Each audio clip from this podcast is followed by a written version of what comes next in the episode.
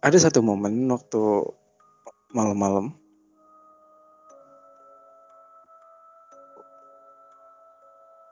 Satu momen waktu malam-malam itu sekitar jam sebelasan apa ya kalau nggak salah ya.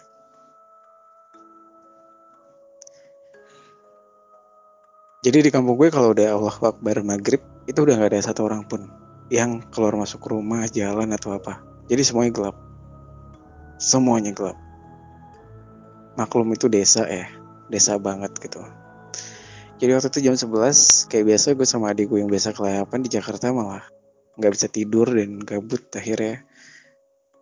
Akhirnya gue berkepikiran selama tiga hari tinggal di situ eh gue kan punya minuman. Gitu kan.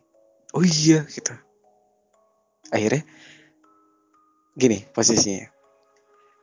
Rumah gue itu uh, rumah gue di sana tuh itu halamannya tuh jadi rumah itu ada di tengah-tengah halaman yang luas. Halaman itu depan belakang kanan kiri. Nah jadi rumah gue di tengah depan belakang kanan kiri itu halaman luas. Nah dikelilingin pohon pinus. Jadi kayak letter O gitu lah. Nah mobil gue itu diparkir di sebelah rumah. Di lahan itu. Masih daerah rumah gue akhirnya gue sama adik gue kepikiran oh iya kita kan punya minuman. Ambil yuk gitu. Kita minum lah biar kita puyeng terus kita tidur gitu loh. Biar enak gitu daripada nggak bisa tidur ya kan. Nah kejadiannya itu pada saat kita mau ngambil kita lagi tidur bareng-bareng di teras. Uh, jadi kan kalau rumah buka pintu tuh latar tuh. Latar tuh kasur kasur-kasur gitu. Itu biasa buat kumpul-kumpul saudara-saudara gitu kan. Ada TV ada Nah di belakang di belakang latar itu ada kamar-kamar tuh, kamar-kamar belakangnya lagi itu ada lahan kosong masih di dalam rumah itu dalamnya kendi-kendi kendi-kendi gitu. Nah di belakangnya lagi itu ada tempat masak atau dapur. Nah di sebelahnya dapur itu ada kamar eh, kamar bude sama pade gue. nah kalau kamar-kamar yang di depan ini paling pojok kanan itu adalah kamar kakek gue. Yang di mana tembok kerisnya tuh banyak banget hampir sekeliling tembok gitu loh. Karena masih anyaman bambu rumahnya tuh jadi buat naruh keris gitu loh.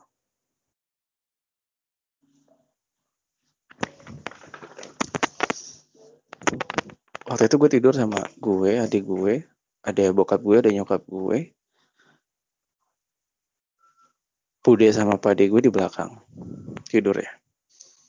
Dan di situ juga ada sepupu gue kalau nggak salah. Udah pada tidur semua yang belum tidur cuman gue sama adik gue.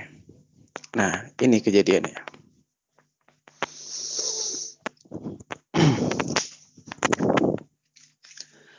Saat gue sama adik gue lagi keadaan tiduran jadi kita tengkurap berhadapan. Di tengah kita tuh casan sambil main handphone gitu berusaha nyari sinyal ini nggak bakal gue lupa sih seumur hidup gue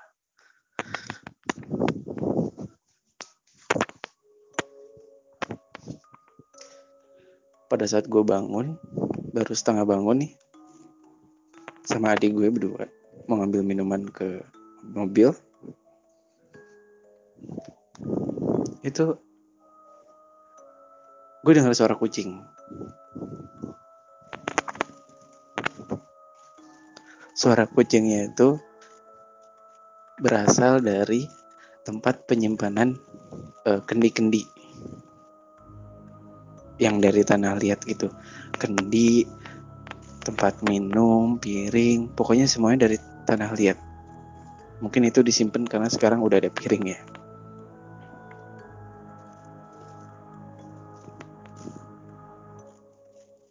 Saat gue bangun ada suara kucing biasa suara kucing kayak gitu kan. Gue kaget karena beberapa hari di situ gue nggak pernah dengar suara kucing malam-malam.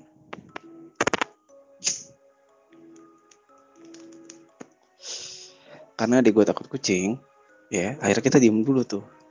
Iko itu apa? Kucing gitu kan tadi tungguin deh sampai kucingnya udah gak ada suaranya gitu. Soalnya di gue takut. Ya udah.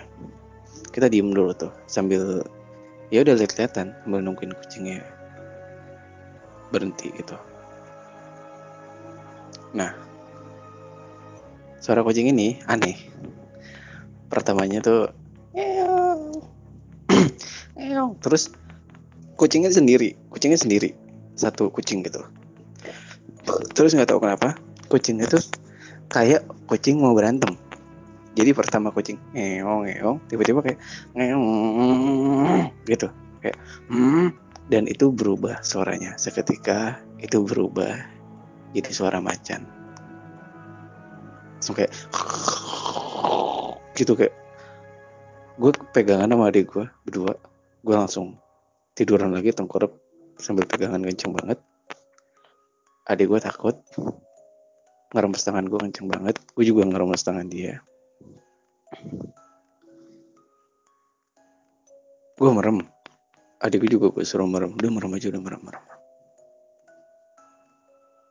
sampai akhirnya ada sekitar dua menitan apa ya?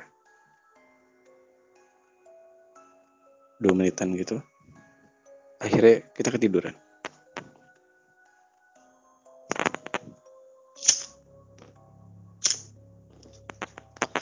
yang gue dengar itu suara macan adik gue pun dengar itu suara macan tapi ya udah kita ketiduran besokan paginya pagi-pagi tuh gue ngeliat uh, nyokap gue, bokap gue, padi gue, budi gue di depan lagi ngeteh. Gue baru bangun nih sama adik gue nih. Baru bangun. Gue inget-inget yang semalam. Abis itu gue gabung ke depan. Gabung ke depan ngeteh ngobrol. Akhirnya gue bingung nih gue mau nanya nggak ya sama nyokap bokap gue gitu sama padi budi gue?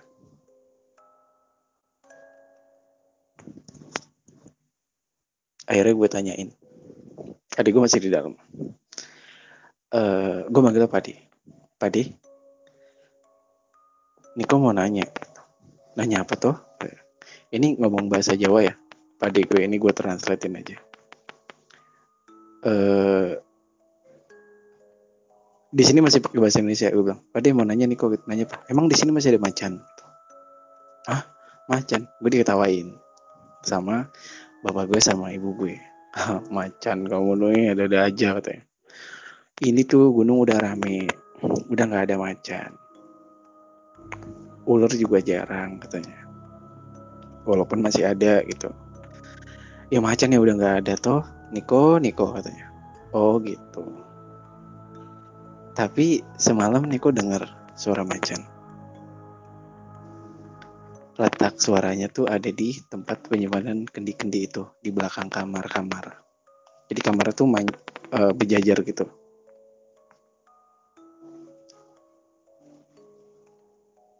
Terus pas gue bilang gue dengar suara macan mereka masih nggak percaya. Gue panggil adik gue Nick sini. Adik gue kebetulan namanya sama kayak gue Nick tuh sini. Coba deh lo ngomong deh. Semalam lo dengar suara apa? Iya. Dengar suara macan sama Mas Niko berdua. Di kamar. Gini gini gini gini gini. Pas adik gue ngomong gitu mereka pada diem liat-liatan nyokap gue nggak ngerti apa-apa. Yang lihat-lihatan tuh bokap gue padi gue mau gue. Abis lihat-lihatan baru dia ngomong pakai bahasa Jawa.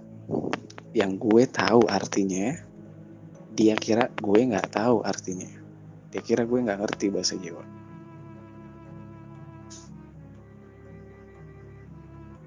Padi gue ngomong gini. Apa kuyo ya, gue translatein apa itu ya? Tuh. Kata apa di gue? Bokap gue diem. Bokap gue bilang masa iya sih? Gitu. Udah lama loh katanya. Yo gimana ya gimana? katanya. Oh orang ini anak berdua dengar katanya. Hmm. Mulai serius nih obrolan ini.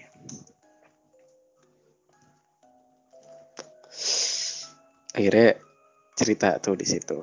Gue seumur umur baru diceritain saat itu. Jadi ceritanya dulu kakek gue tuh, uh, dulu kakek gue tuh di situ tuh lurah jadi lurah ceritanya dan uh, kakek gue tuh dulu punya kakek gue kejawen kejawen banget kakek gue dan dia punya banyak keris tapi ada satu keris yang dia paling sayang di mana keris itu bisa nyembuhin orang sakit. Ini ini ini ini baru katanya ya, ini baru katanya. Dan uh, sebelumnya emang gue pernah masuk kamar kakek gue dan emang itu banyak banget kerisnya, pakai kain-kain putih gitu. Nah, katanya dulu itu kakekmu dia ngomongnya dia susah pakai bahasa Indonesia. Jadi dia pakai bahasa Jawa. Kurang lebih kayak gini.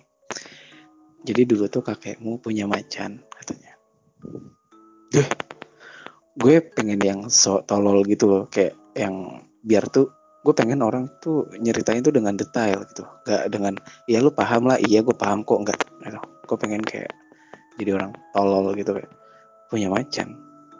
Macan kan binatang yang dilindungin nggak boleh dipelihara nggak boleh eh, uh, sama orang-orang biasa gitu loh. Sama orang-orang lah pokoknya.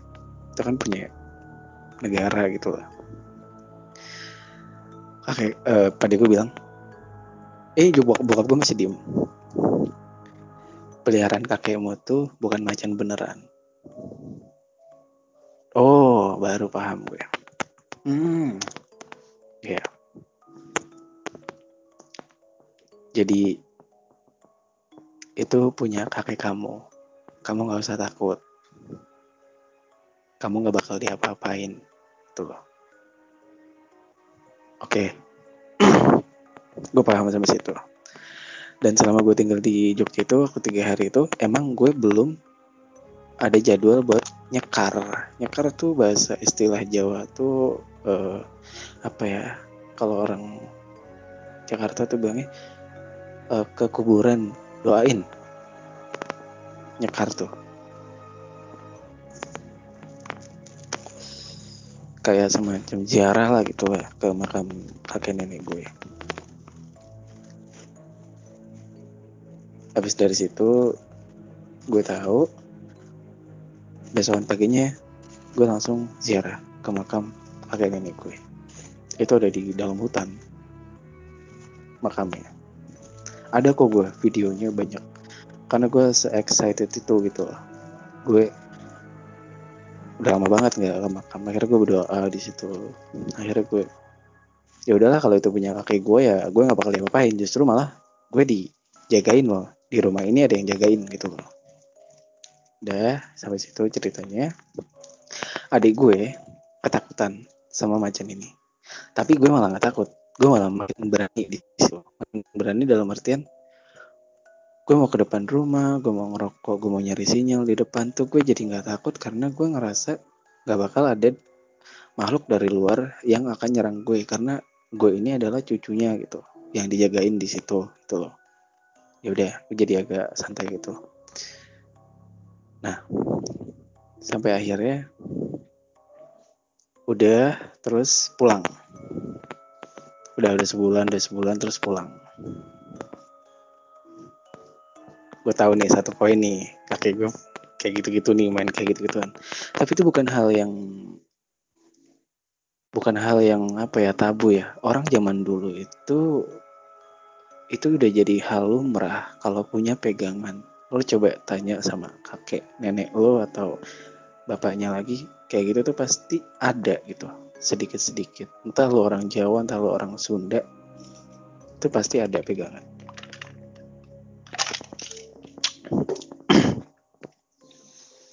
Tahun berikutnya gue balik ke Jogja. Ini kejadiannya udah, udah lama ya jadi tahun berikutnya itu gue datang ke Jogja buat main.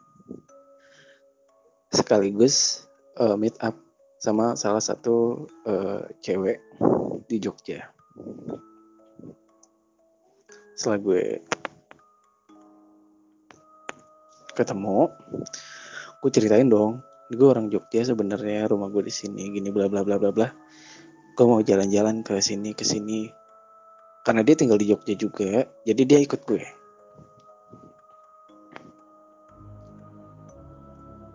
Nah gue minta dia buat eh lo mau nggak nginep di rumah gue gitu? Di rumah pade bude gue gitu di kampung oh iya katanya iya mau nggak lo? Itu gue ketemunya di Malioboro ya di di ini deh Jogja lantai satu lah kayak Malioboro Prambanan Borobudur tuh kan Jogja lantai satu kan masih di bawah. Dia bilang dia mau. Yaudah kalau lo mau lo uh, apa? Lo bonceng ayo kita jalan ke rumah gue. Emang rumah lo di mana? Di sana di Patuk di Piungan. Nah gue bawa nih. Itu keadaannya jam 9 malam. Jam 9 malam.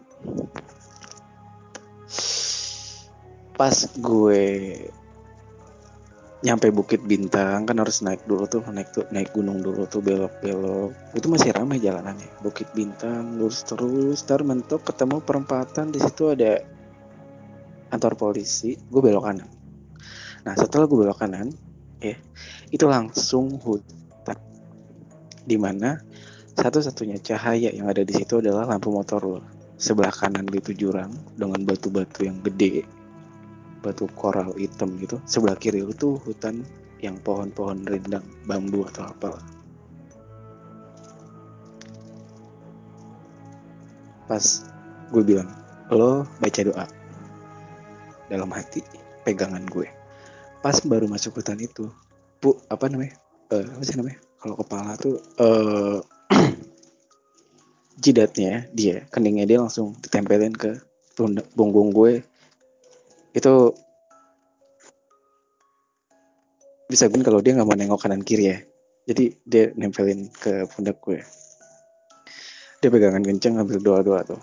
Gue sebenarnya jiper karena emang gak ada cahaya satu pun tuh di situ cuma motor gue. Dan itu berkelok-kelok naik turun.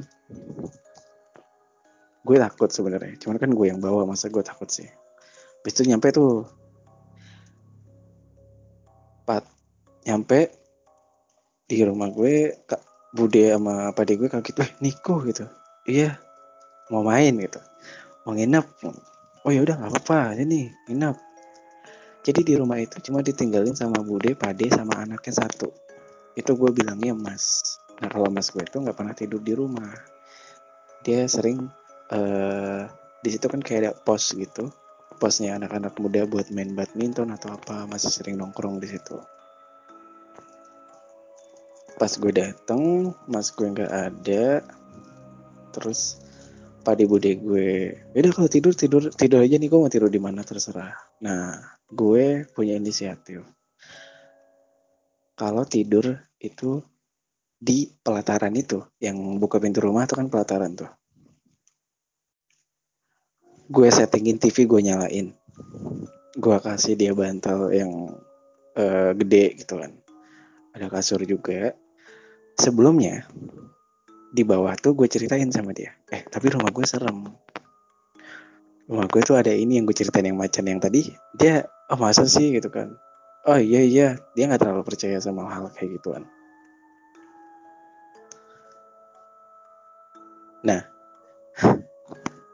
pas jam 12-an ya itu kakek uh, bude pade gue tidur di belakang. Si cewek ini kan sama gue di depan TV ya nonton TV nggak lama anjing sumpah gue merinding. Nggak lama ini cewek ketiduran. Cewek ketiduran. Gue lihat ah, tidur. Mas gue baru pulang habis nonton wayang.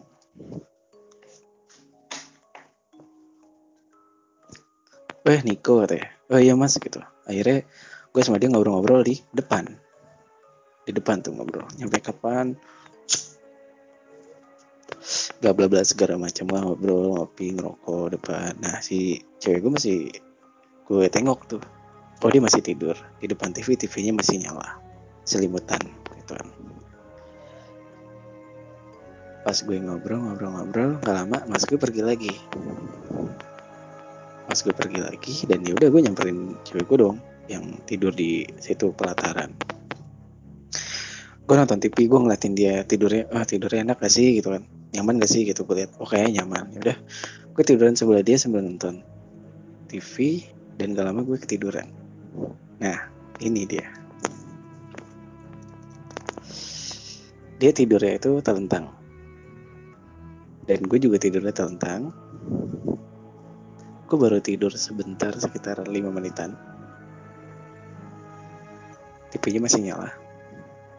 Tiba-tiba kaki kanan gue karena gue tidur di sebelah kiri dia.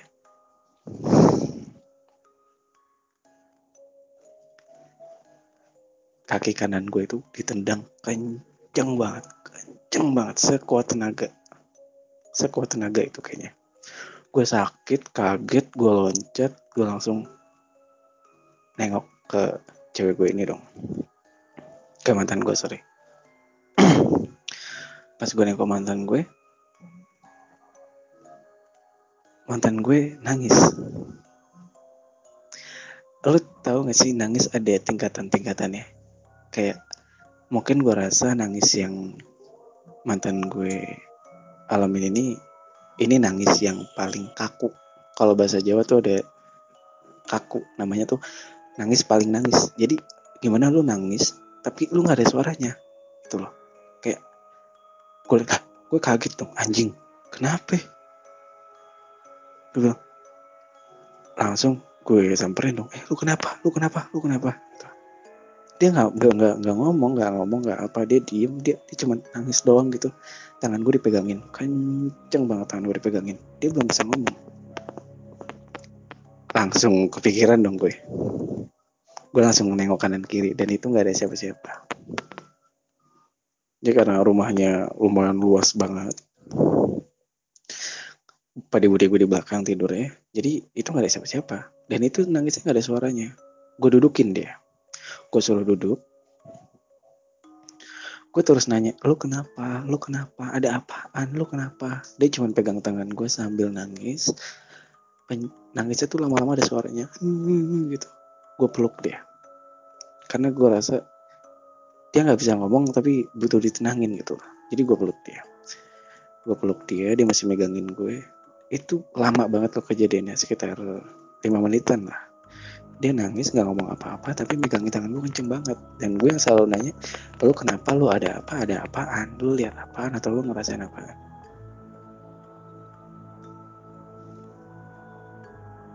gue bilang di kupingnya istighfar istighfar. Istighfar. Ikutin ikutin ikutin. Astagfirullahaladzim astagfirullahaladzim gitu. Nggak bisa dia nggak kayak gitu. Nggak bisa astagfirullahaladzim. Lama banget sambil gue lihat sekeliling itu bulu gue langsung merinding semua di situ. Lo tau kenapa bulu gue merinding? Ini anak yang gue peluk. Dia nggak ngeluarin satu patah kata pun cuma nangis nggak ada suaranya. Lo mikir gak sih kalau yang gue peluk ini lagi bukan dia?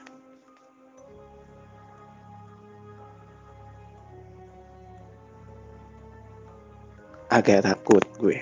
Tapi ya mau gimana ya ini mantan gue gitu loh. Terus gue gue bacain istighfar istighfar astagfirullahaladzim astagfirullahaladzim astagfirullahaladzim astagfirullahaladzim akhirnya dia kayak dia bilang kamu jangan ke mana-mana katanya. Kamu di sini aja yang ke mana-mana temenin aku. Dia masih nangis. Kamu nggak boleh tidur katanya. Oke okay, ya nggak boleh tidur. Aku mau tidur aku capek ya. Ya udah. Dia masih sesenggukan tidur di paha gue. Gue duduk gue gak mau tidur karena aku nemenin dia. Kasihan akhirnya dia tidur. Dan akhirnya gue ngantuk juga dan gue ketiduran juga akhirnya. Sampai besok pagi. Jadi niatnya gue mau nginep di rumah gue tuh dua hari